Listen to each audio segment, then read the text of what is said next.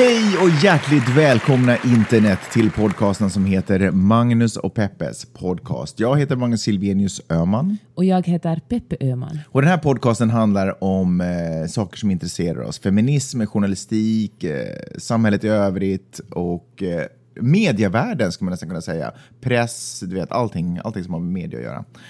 Ehm, vi dyker rakt ner i det vi ska prata om idag. Förra veckan så pratade vi om aborter. Och samtalet börjar egentligen från en artikel som eh, i The Atlantic, Prosit Vidde. prosit älskling, som handlar om hur eh, det är allt svårare att eh, göra abort i vissa delstater i USA. Abortmotståndarrörelsen är jätte, jättestark för tillfället. Och det har lett till att kvinnor måste åka hundratals kilometer för att få en abort. Och det, har, det i sin tur har lett till att det här do it yourself abortbilderna blir allt vanligare. Man köper alltså, man går till en marknad och, och köper bilder av någon random dude eller dudette bakom en disk och hoppas att det ska hjälpa en att få abort och det är ju livsfarligt. Och då började vi tala om abort i våra hemländer, Finland och Sverige och hur man ser på abort och du tyckte att eh, kvinnor borde vara försiktigare och inte använda abort som ett preventivmedel. Ja, uppfattades det så? Nej, så sa du. Eh, jag sa aldrig att kvinnor specifikt måste vara försiktiga. Jag menar att folk måste ta mer an... Människor som ägnar sig åt sex, män eller kvinnor, eller du vet. Får jag läsa upp lite av den responsen som vi fick? Okej. Som ett bevis på vad jag har sagt. Nej, va, hur, Ja. folk, hur Ja. jag och några andra kanske reagerar på det du sa. Men sen kan du, sen kan du, sen kan du göra en pudel och säga Nej, jag ska inte alls göra en pudel. Ja, läs. Uh, Magnus, what the fuck, du som påstår dig vara feminist, hur kan du som påstår dig vara feminist samtidigt uttrycka åsikter som att det är skillnad på abort och abort, att det egentligen bara är okej om man blir gravid av typ våldtäkt och till och med att man kanske borde straffas för att man gör abort för att man råkade ha oskyddat sex och enligt dig är oansvarig. Are you kidding me?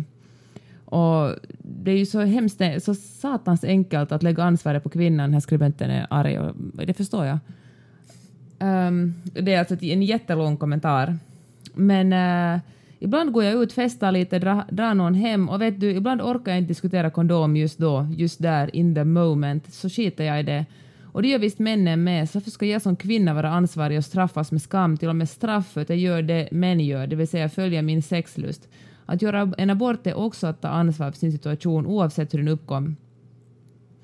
Och uh, så kom det en annan som skrev så här, men alltså Magnus! Brukar tycka att du är så vettig, men vad är det du snackar om? 50-talet ringde och ville ha sin skuldbeläggande, sitt skuldbeläggande av kvinnors sexualitet tillbaka. Förstår du hur mycket vi kvinnor kämpar med och lider av alla de olika preventivmedel som nästan varenda en på något sätt ska in och joxa våra kroppar? Det är hormoner, spiraler, pillerstavar. Det är akne, ingen sexlust, depression, svampinfektioner och vestibulit. Det är graviditeter som sker på grund av incitationstecken, Vad är vestibulit för någonting? Det, Vestibul? För det är underligt. Mm. Ja, okej. och så vidare. Men, men, eh, men hennes poäng är här också att det är alltid kvinnan som skuldbeläggs Mm. och aldrig mannen. Eh, jag, eh, jag tror inte att jag pratade om liksom just eh, att det var bara kvinnan som ska, eller, jag tror, inte- eller det var inte min point i alla fall, att det är bara kvinnan som ska ta ansvar för, för sexakten, eller sitt eget sexande. Utan det är ju liksom naturligtvis de människor som är involverade i det som ska ta ansvar för det tillsammans. Och när en, eh, när en kvinna blir gravid så är det ju någonstans inte bara hon som blir gravid utan det är ju de som har skapat det barnet som, som, eh, som, som är i situationen. Så jag tycker absolut inte att det, bara, att det här är bara upp till tjejer. Men jag tycker fortfarande att det är människor som har sex utan att, utan att förstå vad det sexet kan resultera i ska inte ha sex tycker jag egentligen nästan. Men nu är vi tillbaka i den diskussionen vi hade förra veckan. Ja, jag tycker att man ska ta ansvar. Alltså, jag, att kan- ibland jag, händer det ju misstag och det måste man ju kunna... Jo, absolut. Jag tycker Men- att det är helt... Jo, absolut. Jag tycker att ibland händer det misstag. Ibland så, du vet, så har man så har man gjort ett helt uh, moget övervägt beslut att ha sex med en... eh, eller två personer har gjort ett helt... Fucking tre personer har gjort ett helt övervägt eh, beslut att ha sex med varandra. Eh, och så skedde det en olyckshändelse. Absolut, jag är för fri abort. Absolut, jag är inte emot det. Men jag är också för att man... ehm, kanske eh, eller att man är medveten om sina val, de val man gör. Och jag tycker fortfarande att det är ehm, att det är sex är en av de få saker som vi ägnar oss åt på daglig basis, höll jag på att säga, men sådär, som faktiskt kan ha... Snacka för dig själv. Som, som faktiskt kan ha liksom helt eh, världsomvälvande effekt på ens liv. Men grejen med fri abort är att... Men jag är inte emot nej, fri nej, abort. Får jag ta till punkt? Ja. Grejen med fri abort är att det är fri abort. Då finns det ingen diskussion där om vem som har haft sex. Nej. vem. Får jag ta till punkt nu? Ja, men herregud, du, Det- du, du, du, Nej. det är som att du är som att du säger, du får det låta som att jag står vid abortkliniken och är sådär, hey, wait a minute, vad, vad är anledningen till att du kommer in? Nej, men jag vi har ju att de- ingen moralisk rätt att, att eh, bedöma någon Nej, som... jag tycker inte. Jag säger inte att, eh, att diskussioner ska föras, de här diskussionerna ska föras mellan doktor och patient eller, eller, eller jag, jag tycker att det här, jag säger det här till de unga människor som sitter och funderar på om de ska ha sex eller när de ska ha sex. Att man ska också vara medveten om att hur soft och roligt och grymt det än är och hur lättillgängligt det än är så är det också en akt som kan ha en totalt eh, livsomvälvande effekt på ditt liv. Jag tror inte man tänker på det. Därför Men då det är det är bara... tur att det finns fri abort. Det är supertur att det finns fri abort. Det är absolut tur att det finns. Men man kan ju inte låtsas som att det inte också är en, en, en viktig händelse. Men jag tycker att det handlar ju liksom inte bara om Okej, nu talar vi om abort, men sex handlar ju också om könssjukdomar och annat Absolut. dravel. Men vi pratade om abort. Ja, men det är som någon, en av de här kommentarerna som var jättelånga, jag ber om ursäkt för att jag inte läste upp dem helt för att de var så långa, men, men man kan gå in på min blogg, jeanetteevan.com och läsa dem. Men att eh, det är ett himla tjat a- av, eh, av kvin- kvinnor måste tjata mycket för att få män att ha kondom. Alltså, och då tänker jag att vi borde kanske fokusera lite mer på snubbarna i, när vi snackar preventivmedel. Jag håller helt med om det också. Och jag håller helt med om, eller jag tycker inte alls att det här är, det, eller jag- om jag säger så här, eh, det här borde inte bara vara eh, en kvinnas ansvar att sitta och fundera på de här sakerna och så. så, så förstås inte, utan det, är ju, det, är ju liksom, det här är en upplevelse man delar med en annan person och konsekvensen eventuellt om det gick åt helvete eller hur, om det till och med var positivt så är det ju också någonting som man i bästa fall också delar med en annan person åtminstone. Eh, men faktum kvarstår ju ändå att det är kvinnan som kommer att bära det där barnet som, som i dagens värld, i dagens samhälle, eh, med hopp om alla förändringar, kom, löper den största risken att vara i skiten. Inte sant? Med, eh, med eh, hur eh, liksom ens karriär förändras, överhuvudtaget hur ens liv kommer förändras. Det, faktum att man liksom är låst med ett barn i magen. Men därför är det tur att det finns fri abort. Absolut. Därför är det tur att det finns fri abort, men det är fortfarande kvinnan som sist och slutligen kommer gå igenom den där aborten. Hur mycket en annan person också delar den upplevelsen med eller stöder och supportar så är det fortfarande tjejen som kommer någonstans att vara den som måste fatta det psykologiska beslutet och det fysiska beslutet. Men säger du nu här i förlängningen att därför borde kvinnor vara extra noga med preventivmedel? Eh, nej, jag, jag tycker att det är allas ansvar, men eftersom världen ser ut som det gör just nu så har killar mycket lättare att smita från det ansvaret, därför att man kan smita för alltihopa som kille. Det är en av våra privilegier. Det är därför vi kallas, en av de anledningarna till att vi kallas för en privilegierad grupp. Därför att vi kan smita från det ansvaret. Det är, det är inte så att det inte sker dagligen att snubbar smiter från det ansvaret.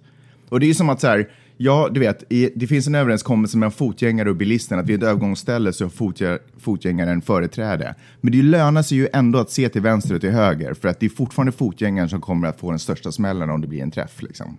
Ja, ja, därför är det bra att det finns fri abort. Därför är det bra att det finns fri abort, absolut.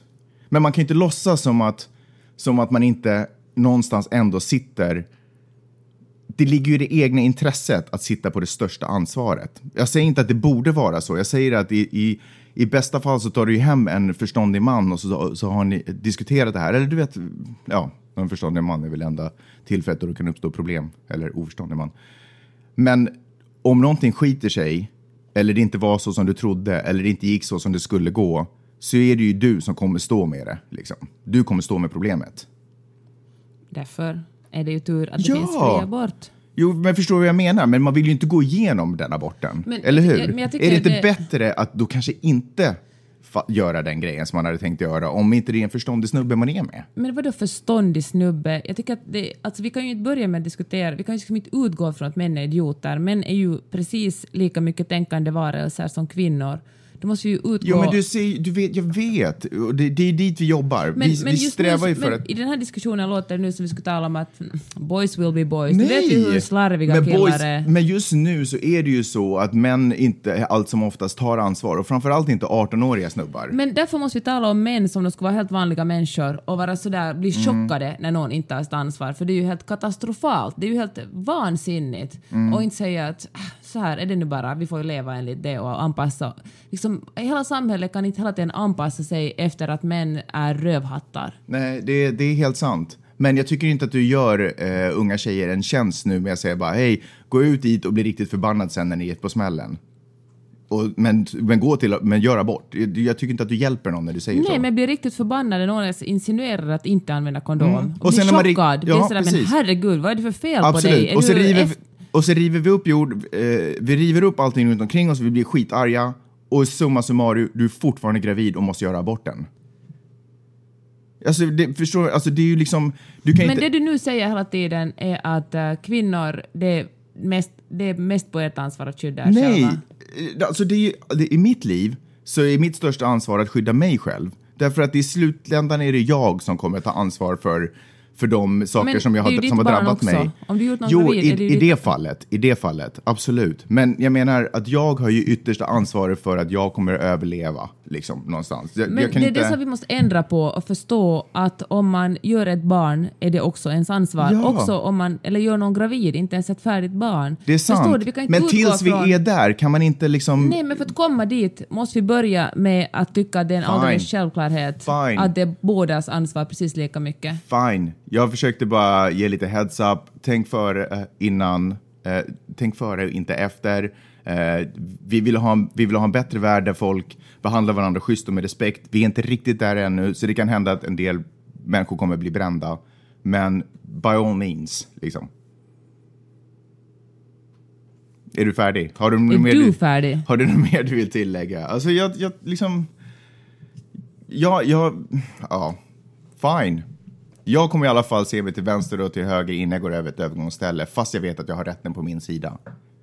Därför att det bara gör ondare för mig. Nej, men det handlar inte om rätten, det handlar inte om att bevisa en poäng, utan det men handlar, det jag handlar ju att visst man- om rätten. Nej, vi måste, ju, vi måste ju ställa om hur vi ser på kvinnor och män. Ja. Inte utgå från det att stämmer. män är skita, skitstövlar, utan säga så här, det är Men vi skulle inte behöva ställa om, om det, vi skulle inte behöva ställa om om det inte var så att män var skitstövlar. Ja, eller, men, eller ju, men om vi bara fortsätter leva enligt det här, alla vet ju att män är skitstövlar, så därför är det bäst att eh, vi kör upp kvinnor Men vi kan, ju inte, vi, kan, vi kan inte leva världen som om det inte var så att män var skitstövlar nu, bara för att vi inte vill att de ska vara det, eller för att vi inte vill ha den världen. Vi måste ju förändra världen Men- och sen liksom Nej, ändra vår men- egen defens. Men det att säga Det att män... det är självförsvar, ska, liksom. Det att män ska skydda sig betyder ju också att kvinnor ska skydda sig. Förstår du? Det, Alla ska det är skydda det sig. friar inte ansvaret för någon. Bara liksom, det är inte så att all, männen ska ta över allt ansvar som kvinnor har haft, utan både, alla har ju ansvar i den här leken. Ja, som men vi kallar är, livet. de flesta, anled- de flesta gånger som, som äh, liksom största anledningen till att man har haft sex när, när jag har varit under 30 är för att det är roligt och det är tillgängligt och jag tycker att vad fan, varför inte? Liksom. Hemskt sällan av de gångerna har jag suttit och funderat på att hej, eh, den här grejen som jag gör nu kan gå kan få den här effekten på mitt liv. Hemskt sällan har jag gjort det. Och jag bara försöker uppmuntra till att kanske jag inte hade skadats av att fundera på vilken effekt det kan ha, ha haft, liksom vilken effekt det kan ha eh, på mitt liv. Nej, absolut. Du borde definitivt fundera på det. Som absolut. snubbe. Och det är ju det jag säger. Och, och som tjej, alla. Alla borde fundera på det som, tänker, som är på väg att hoppa in i bingen. Ja, men nu har du fokuserat extra mycket på Nej, kvinnor. jag har inte fokuserat på tjejer. Jag, nu drog jag ett, ett, absolut inte förra gången. Eh, jag, vi kanske pratade om det, det kanske på något sätt uppfattades som underförstått, men det var inte alls underförstått. Jag pratade om alla som, förvänt, som planerar att ha sex borde sätta sig ner och fundera på vilken, eh, vilken effekt det kommer ha på ens liv, eventuellt. Men nu så tog jag det här varvet därför att jag tycker fortfarande att det är, eller jag tycker ändå att det är ganska relevant, att det är sant. Jag tycker det är naturligtvis bådas ansvar, eh, både före, under och efter, att det är roligt för alla parter. Men faktum kvarstår att den som kommer vara kvar med det sista beslutet är inte snubben. Men faktum kvarstår fortfarande att fri abort innebär inga moraliska åsikter från vårt håll och annars håll. Det betyder fri abort. Ja, det är sant. Jag säger inte att det här är en diskussion som... Alltså, det här är mitt... Det här var mitt tips, liksom. heads up att det här kan hända. Jag, jag tycker fortfarande, jag menar om det händer, det är klart att man ska gå och göra abort. Så, jag förbjuder inte någon att göra abort. Jag säger inte heller att man behöver gå med ett sänkt huvud och göra abort eller att man ska skämmas för det. Jag säger bara att man ändå kan tänka innan, liksom. Eller vara förberedd på, liksom, på något sätt. Var, jag vet inte. Eller jo, jag vet. Alltså var förberedd på liksom resultat av handling. Okej, men då tycker jag att du ska rikta det till snubbarna, för tydligen har de inte tillräckligt bra koll på det ännu. Ja, jag riktar mig till alla. Absolut. Jag riktar mig mer än gärna till snubbarna. Om det är någon som hör det här, så det här kan vara en effekt liksom, av att ha sex. Att någon blir gravid. Okej, Härligt. Är vi färdiga? med den här podcasten. Ja, tack ska du ha. Det var 15 minuter. Vidare. ehm, Liv Tyler. Kommer du ihåg henne? Vet du vem hon är? Jag älskar Liv Tyler. Hon är 38 år nu och eh, hon har kommit ut och sagt, eller hon har yttrat sig i en artikel om att hon numera är betraktad som en second class citizen i Hollywood. När hon var ung, då fick hon, erbjöds hon, alltså ung, Ursäkta, 38 är inte så himla gammalt. i Hollywood är det supergammalt, eh, speciellt om man är en tjej eller kvinna. Eh, under 30, när hon var under 30 så erbjöds hon intressanta och roller med utvecklade karaktärer som sökte ditten och dattan och kunde utvecklas också från att vara i en plats i början av filmen till att vara en annan plats i sitt liv i slutet av filmen. Idag som 38-åring så erbjuds hon mammaroller och typ svärmorsroller som närmast är betraktas som biroller som inte egentligen alls har något eh, liv eller någon annan eh, karaktär. Du vet, som inte uppfyller Bechdel-testet eller vad det kallas för det testet. Jag läste just att Jennifer Lawrence som är 24 har nu fått spela 40 40-åriga singelmammor. Det är ju sjukt egentligen. Det är ju helt sinnessjukt. Det verkar som, det, samtidigt så hon säger också att det här verk, det är ju liksom en, det är en gråzon. Nej, vad säger jag? Vad heter det? Det är en, eh, det är en Bermuda-triangel där. Twilight Zone. Det är en Twilight Zone där mellan 40 tills man blir riktigt gammal. För sen, sen när man blir riktigt gammal nu för tiden i Hollywood verkar det vara sånt. Då får man tillbaka de här. eh, Speciellt om du är Meryl Streep eller Helen Mirren, annars får du inte. Men jag kan tänka mig att Liv Tyler kan bli en av de eh, riktigt, riktigt superstora. Okej, men there can be only three, liksom. Vet du, nästan alla kördas bort. Sant. Hör du, har du känt av den här äh, åldersgrejen? Annars, känner du att du upp, är det här en Hollywood-grej eller är det så här att tjejer blir mindre intressanta på arbetsmarknaden och ju intressant. äldre de blir? Va? Jag ställde ju en fråga. Var det, hur kunde du? Nej, men det är spännande att du frågar det. För att jag åt frukost med några kompisar häromdagen och då sa, som är i min ålder, närmar sig 40, och eh, då var det en av kvinnorna som sa att hon hade varit i en annan del av, eh, av LA. Och hon sa att där hade folk visslat efter henne och varit sådär hello. Och hon var såhär ah, lilla jag. Och hon sa, för jag har tänkt på det att här, i, här vid kusten i Santa Monica tittar ingen efter mig två gånger. Nej. Ingen tycker att jag är snygg här. Är det för att du är gammal alltså eller är det för att du bara inte är snygg? Jag är väl gammal och gammal, ful och otränad jämfört med de som Ja, joggar omkring här. okej. Nej, men hennes analys var det här att det handlar om en, en klassfråga. Alla som bor här är ju jätterika Mm. och, att det är, och det är därför som, som folk inte vistar efter henne på gatorna, för hon bor alltså också i en, en rik del av stan. Att, ehm, och då tänkte jag sådär, "Ha, kanske det bara beror på det. Inte att jag är vi gammal. säkert- Men det är intressant, för det är precis så nästan rubriken låter i den där artikeln. Liv, Liv eh, Tyler säger att hon är second class citizen och det är Ja, inte fast det är man väl defini- per definition annars också om man är kvinna. Mm. Men eh, ja, alltså jag tror att det händer någonting. Alltså kvinnor är ju bara intressanta så länge de är fertila. Mm. Så länge en kvinna menstruerar, kanske inte just under mensen, men då så länge en kvinna är intressant. Sen eh, försvinner man ju helt ur, ur eh, synfältet på män. Men å andra sidan, uh, vet du, nu kommer folk hata mig, nu kommer det komma fler kommentarer på din blogg Det är bra, jag. det är bra. Bring it, Magnus. Visa vilken rövhatt du är egentligen. Å andra sidan så, så, måste, så kan jag ju tycka att det är ju många som blir mammor som helt plötsligt blir mycket mer ointressanta också. De försvinner bort i någon förort och så ser man dem aldrig mer och så sitter de där och muppar. Du menar att de slutar eh, behaga det manliga ögat? Nej, de slutar vara, du vet, eh, chillaxa och hänga och vara roliga och prata om roliga saker. Vet du varför? No. För deras snubbar är ute och tar det lugnt med de själva vakar och plockar strumpor och tömmer diskmaskinen och eh, för varje dag som går blir de lite mer bittra på att de sköter precis allting Mm. medan snubbens liv inte har förändrats så värst mycket. Då kan man ju ganska snabbt dra slutsatsen att om vi, om, Att barn om, förstör allt. Nej, nej, nej, men att om vi skulle vara mer jämställda och det skulle vara ett mer jämställt samhälle så skulle också kvinnors roller i Hollywood utvecklas och Nej, bli mycket mer intressanta. För nu är det ju på något sätt som när de är i den åldern, hon är- okej, Liv Tyler är 38, då kan man tänka sig att hon statistiskt är i en ålder i västvärlden där hon redan då kanske har barn och har en familj och har blivit en vanlig, tråkig kvinna. Sådär. Och då är det förstås de roller hon erbjuds. En vanlig tråkig kvinna. Ja. Det är hemskt, men så, det är väl tyvärr så eftersom det inte är jämställt och jämlikt. Alltså världen är så otroligt sexistisk. Och, alltså det genomsyrar precis allting. Häromdagen såg jag en trailer till den nya Angry Birds-filmen. Och eh, den lär ju vara superbra. Och, eh, men jag kollade på den och till och med bland de där fucking fåglarna fanns Så är det bara snubbar? Ja, den enda kvinnorollen var en fågel det, jag, det här på riktigt, den enda, den enda kvinnofågeln i den här lilla trailern var en, kvinn, en fågel som slängde en slängkyss och blinkade med sina långa ögonfransar åt en manlig fågel. Det är liksom, allt, allt, allt handlar bara om män. Det, är ju, det gör mig helt galen och jag vet faktiskt inte om eh, det är den här åldern, alltså jag just, det har ju stört mig på det här i, så länge jag kan minnas. Alltså det störde mig redan i lågstadiet kommer jag ihåg att pojkar fick så mycket mer plats än flickor och pojkar och flickor blev olika behandlade. Men för varje år som går blir jag mer irriterad på det och nu undrar jag, beror det på att jag är i den här Liv Tyler-åldern där eh, jag bara själv håller på att försvinna eller, beror det, eller är, är liksom, lever jag just nu en feministisk tid då alla känner så här på samma sätt? Att vad fan, håller, vad fan är det som händer?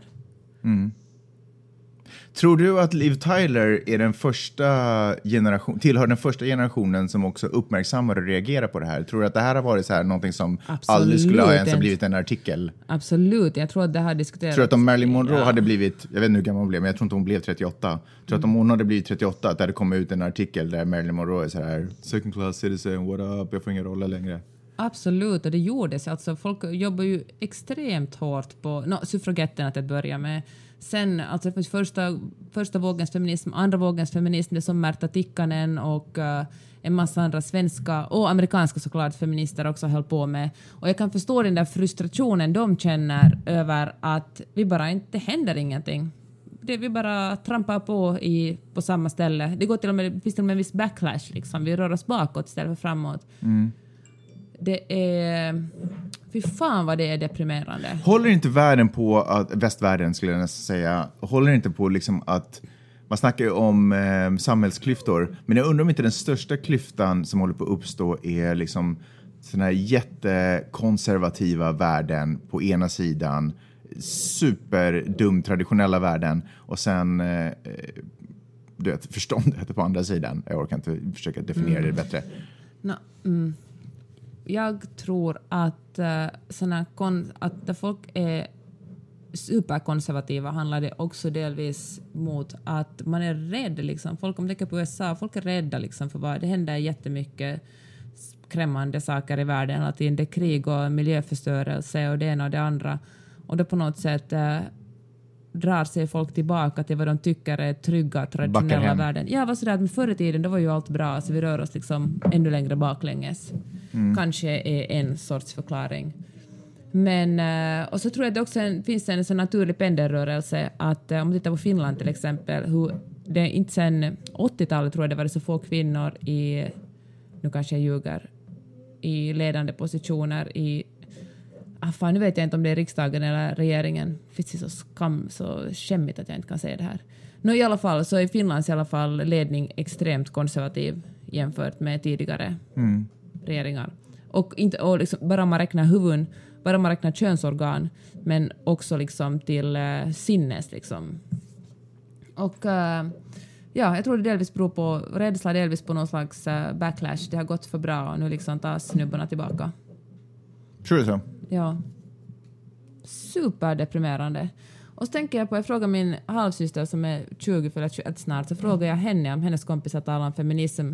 Och hon, hon var så här väldigt, eh, okej hon behöver ju inte representera en hel generation nu såklart, Men hon sa att hennes killkompisar tycker att det är superäckligt med feminism och de talar om feminazin och liksom de eh, de, eh, hon själv tyckte också att, att fan, kvinnor får väl skylla sig själva om de inte har kommit längre än så här. Hon såg liksom inte någon slags strukturer eller problem med det.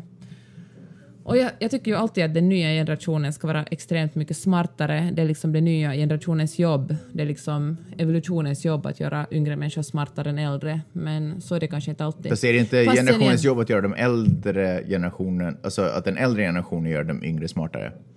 Ja, men de yngre måste ändå vara lite smartare, annars de liksom måste ju vara lite smartare, måste ha med större kapacitet för att kunna bli ännu smartare än de som har lärt mm. dem. Men å andra sidan finns ju den här Sara Larsson-generationen som mm. verkar vara en, eller om hon nu också ska representera en hel generation, vilket ju kanske är fräckt, men hon verkar ju extremt smart. Men äh, ja... Men det, det finns ju ändå, ja fast de är ju inte supermånga. Men Finland har ju ändå haft en kvinnlig president, nej, nej, nej, det var inte det jag tänkte säga, men jag tänkte säga att det jag tycker ändå är uppmuntrande för en ny generation att det finns ganska många, eh, inte tillräckligt många givetvis, men många starka kvinnliga personligheter som syns, hörs, tar plats, eh, får ut sitt budskap och, eh, och är liksom game changers som förändrar. Mm. Liksom. Alltså. Amy Schumer, mm. Queen of England. men uh, ja, det stämmer faktiskt. Men det blir också lätt sådär att, att de blir uh, representanter. De var helt men vad fan, ni har ju Amy Schumer och Broad City och kunga och vad heter drottningmamman. Mm. Eller, drottningmamma? Drottning, nej, hon dog för några år sedan, men ja. drottningen av England. Ja. Och uh, att borde inte vara nöjda. Kolla Nej, men det handlar inte om att vara nöjda. Ja, jag pratar men, inte om det på det Det var jag inte så jag menade. Jag vad du menar, att de är som förebilder.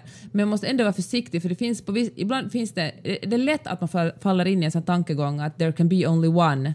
Att man säger att, att uh, men hej, den här kvinnan representerar ju här, den där kvinnan representerar där, och man tycker att det måste räcka, då, har vi liksom en, då finns det en representant från folkgruppen kvinnorna, mm. istället för att tycka att det är jävligt underligt att hela världen leds av bara folk med penis. Det, det är liksom. sant, absolut. Jag tycker i och för sig äh, att äh, jag tycker förebilder är otroligt viktigt. Jag tycker inte alls att det är att underskatta. Jag säger inte att ah, men bra, nu är det fixat.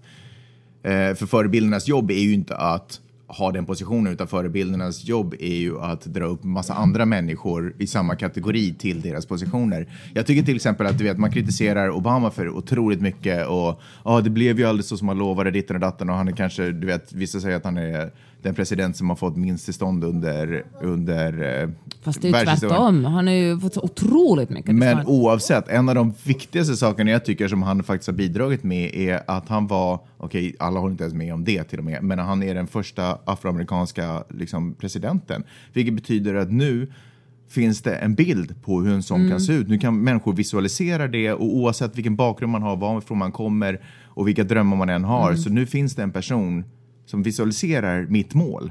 Mm. Eh, om jag till exempel är svart och kommer från vad fasiken jag kommer ifrån. när det kommer till svarta handlar det också om att vita människor måste ta ett steg tillbaka. Man kan inte sätta ansvaret bara nej, på svarta, nej, nej, eller man kan inte sätta ansvaret bara på kvinnor och säga att ni måste bara jobba lite hårdare så fixar ni det här. Fixar ni det ja. här.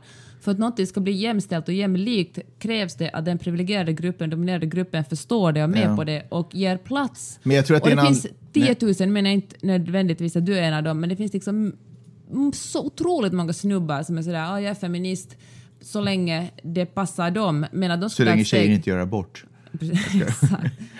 så länge Nej, jag sa inte det. Jag tycker inte du det. Sa det. Nej, I alla fall, men, men så länge det inte stör deras karriär eller livsval på något sätt. Ja. När, det, när det handlar om att stanna hemma med barnen eller det handlar om att ge plats för en, en eh, kvinnlig kollega eller vad som helst på något sätt som verkligen inkränk, som de verkligen måste uppoffra någonting så då slutar på något sätt feminismen existera för just i det fallet går det inte riktigt så bra. Mm. Och eh, det gör mig så sjukt irriterad. Det gör mig, det, då är man inte feminist, då är man bara liksom en... Uh, vanlig typ.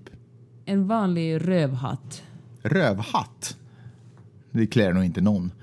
Hör du, eh, ja men jag tror ändå att det är, det är en anledning till att det är så lätt och tacksamt att vara snubbe därför att alla, alla drömmar och alla positioner som jag visualiserar så finns det, så finns det personer framför mig som, som bevisar att jag kan nå dit. Eh, dels för att de ser ut som jag och dels för att jag känner att de kanske till och med är lite dummare än vad jag är eller du vet om någonting annat som ligger i fatet gentemot mig. Men de, framförallt så visualiserar de att det där målet är möjligt att nå.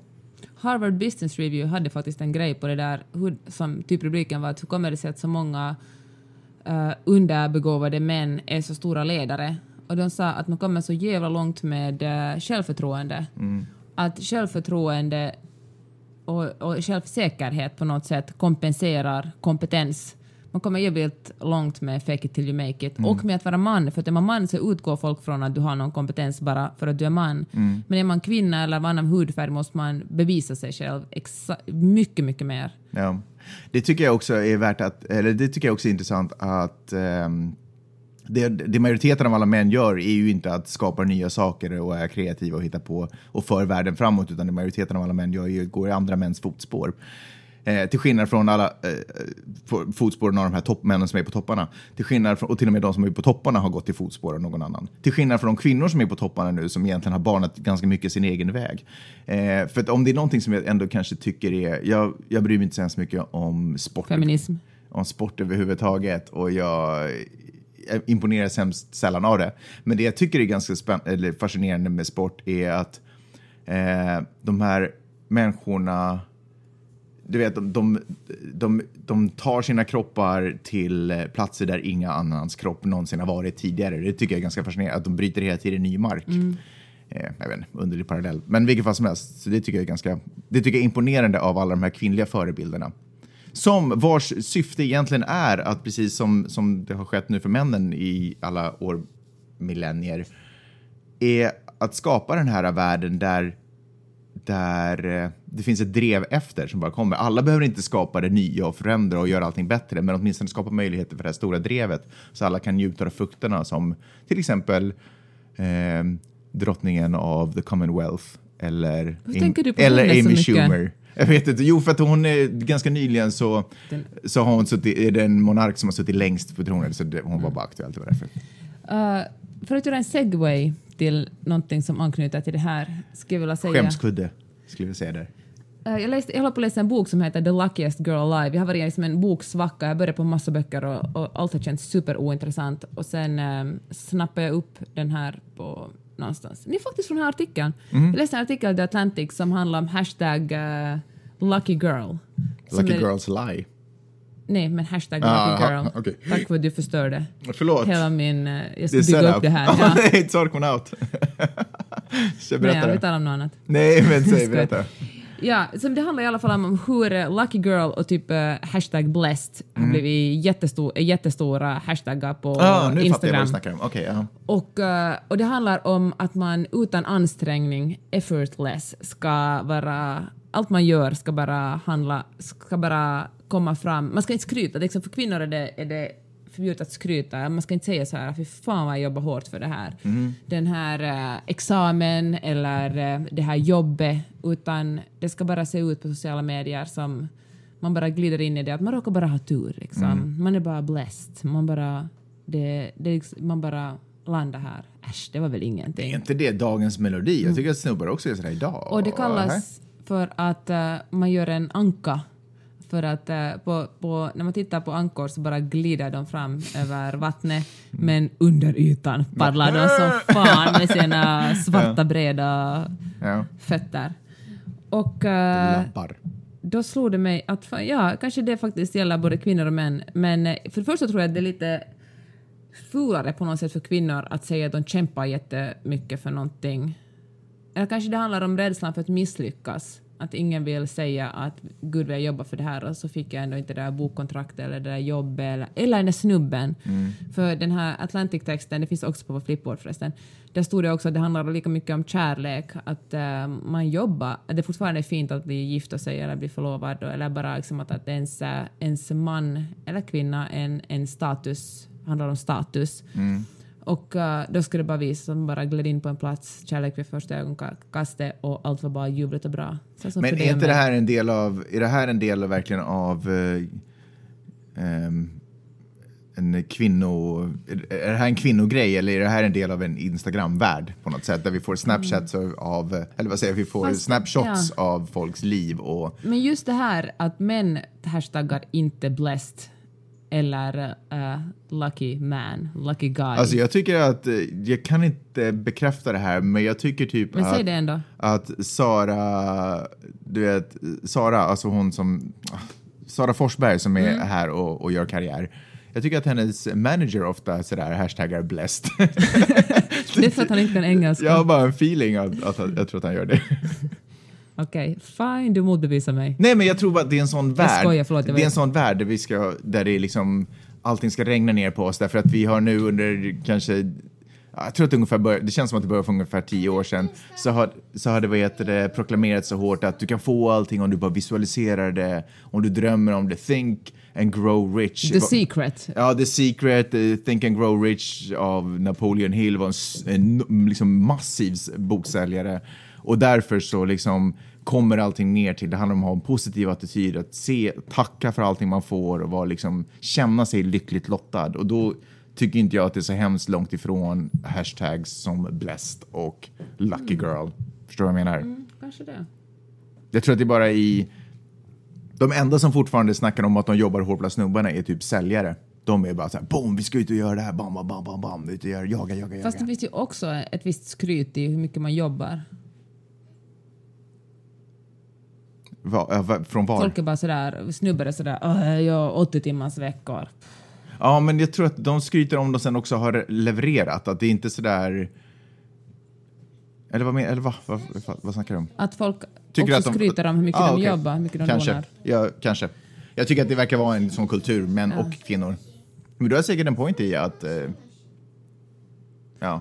I alla fall, en, en grej till om media, om vi går över till något helt annat. Eh, Columbia Journalist Review skrev om att eh, i amerikanska tidningar hade under förra året, är det länge sedan ordet hipster användes lika mycket och lika slarvigt. Okej. För tydligen slänger, jag vet inte hur det är i finska och svenska tidningar, men tydligen slänger man här i USA ut ordet hipster för alla som har, bor i stan, har en eh, college degree och är under 40.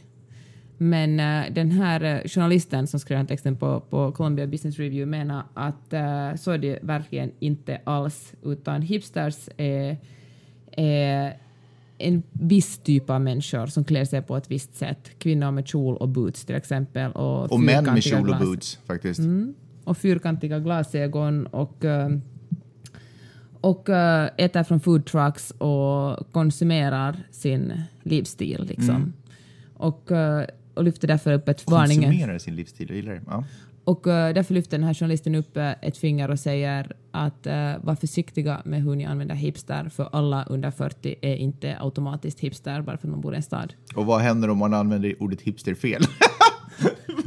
Vadå var försiktiga? Och, men det, man tror att, många kanske tror att hipsteren är ett nytt begrepp, men det användes lika mycket som 2014 i början på 60-talet. Det Då snackades det också, då var hipster också ett modeord. Använder man det? Jaha, vad roligt. Jag visste inte. Jag tror att man bara snackar. Men var inte det hippie? Blandar du inte ihop de här nu? Nej, älskling. Nej, okej. Ja, intressant. Så varningens ord till alla journalister där ute. Var lite försiktiga med hur ni använder ordet hipster. Det är det sensmoralen. Ja, det är mitt budskap i den här mediapodcasten. Jag ska dra upp en sista grej, antar jag, för den här Det podcasten. kanske kommer en kort efter det nu. Är det så? Kanske, kanske Ja, inte. Spännande. Jag tänkte snacka lite om Iggy Azalea. Eh, en, den australiensiska sång. det- Jag visste faktiskt, det tog lång tid för mig att fatta att hon var australiensare. Mm. Hon hade verkligen sålt in den här uh, American uh, Southern accent på mig. Så jag tänkte att hon kanske var någonstans därifrån. Och det var ju, jag kände mig superlurad. Och jag känner mig alltid superlurad när jag lyssnar på skitbra musik och så visar det sig att det är en vit person som framför den, när det traditionellt borde vara svart musik. Skitsamma, jag ska försöka att inte dra in mig i någon form av rasism här. Det här för de som kanske inte har stenkoll, det är hon som hade Fancy som blev Ja, jätte, men jättestor alla måste ju veta vem Iggy är. Hon var ju typ... Eh, hon har ju satt massvis med eh, rekord på Billboard-listor och du hade har liksom haft en kometkarriär ungefär. Jag misstänker jag tänker att det är kanske sedan 2012, tänker jag. I'm so fancy. Can I get you? Någonting sånt, ni vet.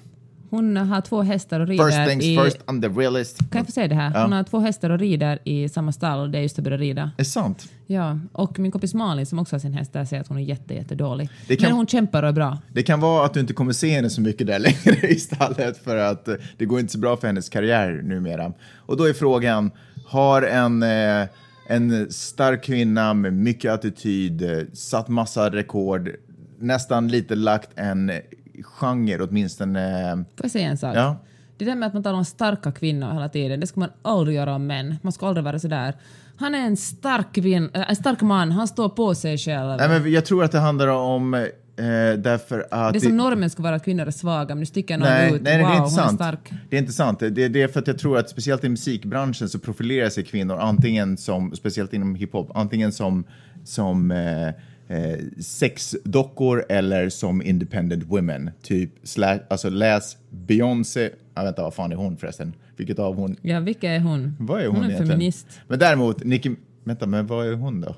Nicki Minaj? Okej, vi kommer bara överens om att vi inte snackar om kvinnor som starka kvinnor, ifall de inte är tyngdlyftare och lyfter jävligt mycket Okej, ah, okej. skrot. Fair enough, fair enough, absolut. Eh, bra point, bra, bra spottat där Peppe. I Tack, mitt ansikte. Magnus. Ehm, så frågan är, det går inte så bra för henne nu. Hennes karriär är på väg neråt och frågan är om det beror på att ja, hon helt enkelt är kvinna. Varför dras inte... Eh, hon har bland annat fått kritik för att hon har tweetat homofobiskt för länge sedan. Hon skulle nämligen vara med på någon sån här eh, hbtq-fest, eh, men så avbokade de henne för att de hittade något tweet som hon hade skrivit. Jag menar inte att det är att förringa, men du vet, hon, de hittade så. Eh, å andra sidan så Eminem har ju, har ju nog slängt ut sig homofobiska saker sen han började, typ sen Dackefejden. Eh, men han har fortfarande en, en toppkarriär. Men hennes, hon har ju bara inga spelningar längre. Hennes karriär... Vad, är hon mest kritiserad för? För, de homofobiska tweeterna då eller? Eh, hon, är, nej, hon, är, hon är mest kritiserad. Alltså grejen är att hon jag skulle inte säga att det finns någonting, hon är, hon är mest, jag skulle säga att hon är mest kritiserad bara. Eh, hon är inte kritiserad mest för någonting specifikt utan det är som att man hittar massvis med saker som finns anledning att kritisera henne för. Eh, allt ifrån homofobiska tweet, allt ifrån en, en text, eh, säkert flera, men en textrad bland annat, jag minns inte vilken låt det var, där hon säger att hon är den vita slavägaren som sprang iväg. Eh, till det faktum att hon har adapterat, jag menar, som jag sa, hon är australiensare, hon har ändå adapterat en, en sydamerikansk, eh, ganska svart accent. accent. Eh, eh, och någonting som kanske mer låter som Nicki Minaj, antar jag. Liksom. Och hon... Eh, alltså alla, Så kulturell Ja, appropriering men precis. Det finns massa sådana saker som hon... Ja, det är rent rasistiska saker som folk uppfattar och homofobiska saker, men sen också just den här kulture, kulturella appro, vad heter det? Appro, approprieringen. Men hör... eh, Men frågan är, är det här bara liksom ett sätt att få ner en, en eh, duktig och målinriktad kvinna? Liksom? ehm, duktig verkar hon ju åtminstone vara. Nej, men hon kan ju sin grej. Nej, jag det skojar. kan man ju inte säga jag skojar ja, ja. Men... ehm, En framgångsrik kvinna, är Ja, det ett sätt att alltså, skjuta det är ner en samma sak. framgångsrik Alltså, kvinna? jag, känner hur folk bara älskar att vältra sig när det går dåligt för kvinnor som har varit framgångsrika. Jag tänker som Britney Spears, hur Mm. mycket gottar sig inte folk i hennes förfall? Och nu är hon ju värsta hjälten. Det är roligt, för jag måste bara skjuta in en liten parentes här, därför att jag tror att det som verkar vara droppen, ja till saken hör jag att nu har hon ju också tappat sin manager, T.I., som är den som då liksom har lyft upp henne. Nu vill inte han heller ha med henne att göra längre. Förmodligen inte på grund av någonting annat än att hon helt enkelt bara inte säljer på samma sätt längre. Eh, hon gjorde, men det jag ska säga var att hon gjorde ett samarbete med Britney Spears eh, där hon featurade på någon sång eh, som, inte, som blev en flopp. Den sålde ingenstans och så skickade Iggy ut en tweet och var sådär okej, eh, sorry alla fans att ni inte fick höra den här, men du vet, Britney Spears stall, eh, gör ingen marknadsföring, ish, de, underförstått, de suger. Varpå Britney tweetade Eh, var på Brit Britney tweetade sådär, ah, jag ser fram emot alla mina fortsatta spelningar det här året. Det är så roligt att fortfarande ha massa jobb. Sådär, uh, hashtag you want a piece of me. Du vet, sådär. No, anyway, förlåt. Ja. Det som media också älskar, så här catfighter mellan, kvin- mellan kvinnor. I alla fall, så tycker jag att eh, jag kan inte komma på någon att media eller folk ska gotta sig lika mycket i någon, eh, någon snubbe det ska gått jättebra för någon manlig artist som ska vara i ett förfall. Okej, Milli Vanilli kanske för 25, 30 Wow, år vad du är sedan. gammal.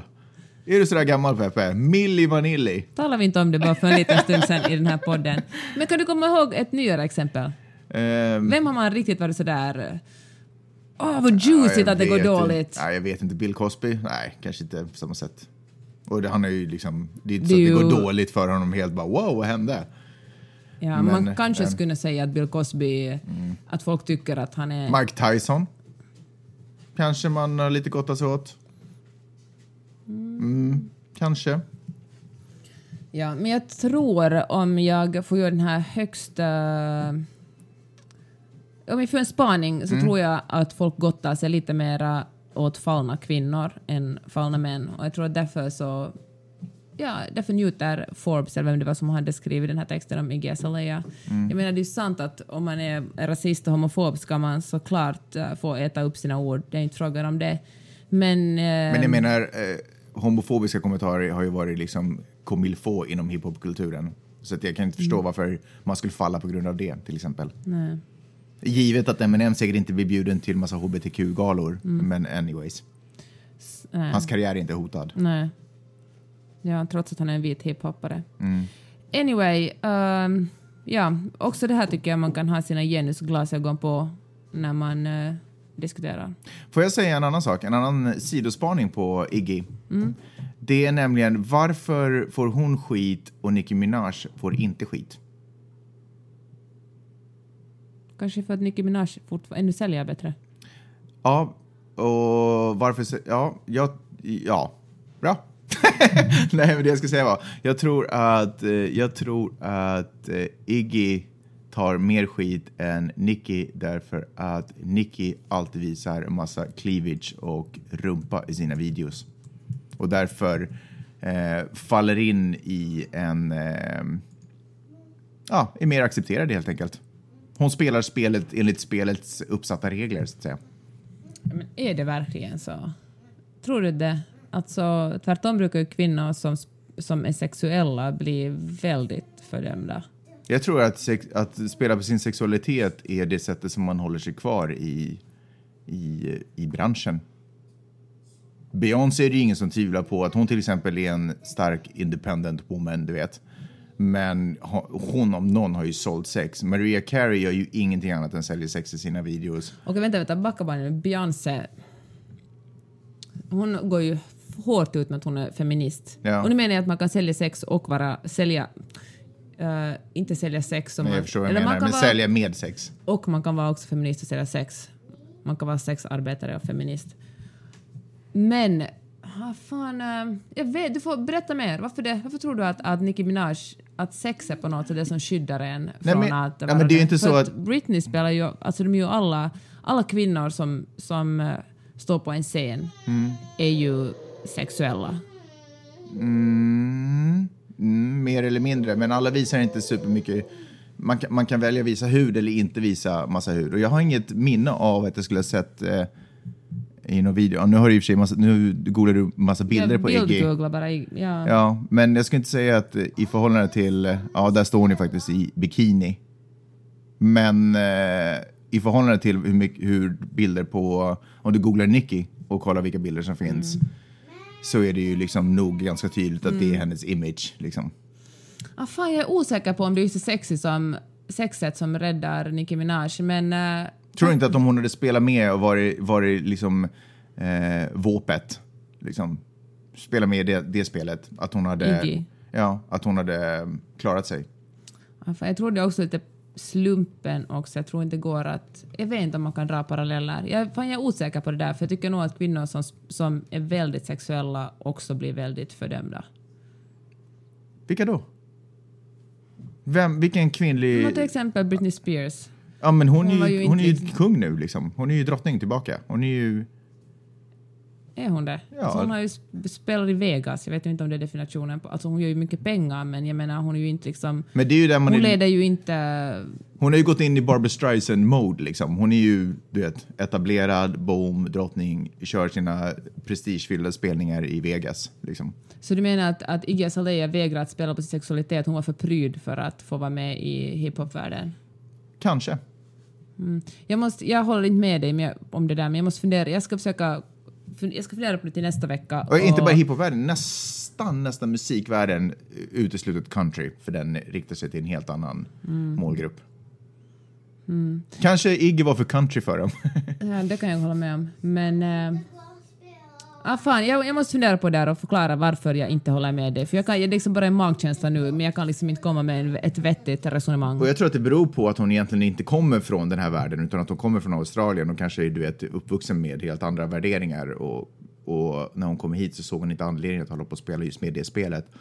Och förr eller senare så kommer hon bli bränd. Nej, alltså alla är ju, det är fan en så global värld så alla har ju vuxit upp med, med uh, MTV liksom. Men jag tror, ja, jag vet inte. Jag har bara en, någonstans, alltså Var har Nicki Minaj vuxit upp? Jag tror liksom inte att det har med... Nej, men hon är ju född i USA och född och uppvuxen i USA och på något sätt har vuxit in i den här äh, världen. Ett- jag menar, det är ju ett annat företagstänkande och ett annat drittänkande i amerikaner än vad det är från oss andra som är på väg, som kommer hit liksom. Jag, hade bara, jag har bara en sån här feeling Okej. kittlande i mitt Nåja, bakhuvud okej. att eh, hon, hon Okej. måste offras liksom för att hon inte spelar. Ja, jag tror inte. Men vi talar om det mer nästa gång. Eller nu, för jag har ingen bra argument. Det är okej. också bara en magkänsla. Okej, okej. Skulle du skjuta in en lite sista kluring?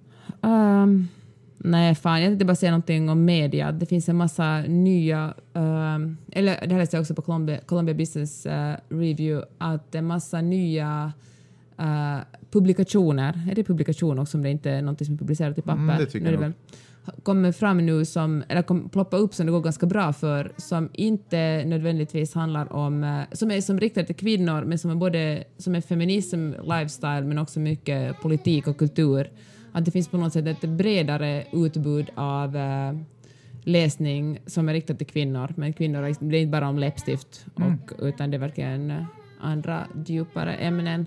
Nu kommer, alltså jag blir galen av att Vidde sjunger Pink Panther i bakgrunden, så vi måste sluta Ja. podden, för jag kan inte tänka. Okej, vi avslutar med en sista grej. Kan vi åtminstone skratta lite åt Timo Soinis senaste utspel där han sa att Sannfinländarna inte är att anklaga för, ehm, för de hatiska, liksom, hatiska tongångarna i, i, vad heter det, Finland. Mycket det roligt. var som, eh, när det delades ut Emmys här i veckan, då sa vet du, Julia Dreyfus, eh, hon som spelar huvudrollen i Veeps, hon fick, Mm. en, hon fick en Emmy. Hon sa att eh, det blir svårare och svårare att göra satir av den här skiten. Mm. Och det menar hon Trump-politiken. Och det är ju samma sak i Finland. Fan, det är ju svårt att göra satir på Timo Soini för han gör det så bra själv. Ja. Det är så, jag vet inte om jag ska skratta eller gråta, jag tycker det är så. Jag blir så här arg över att man kan vara så ynkryggig när man har stått och hatat i, liksom, i media och sen tar inte ens ansvar för det, vilken den snöbollen man har satt igång.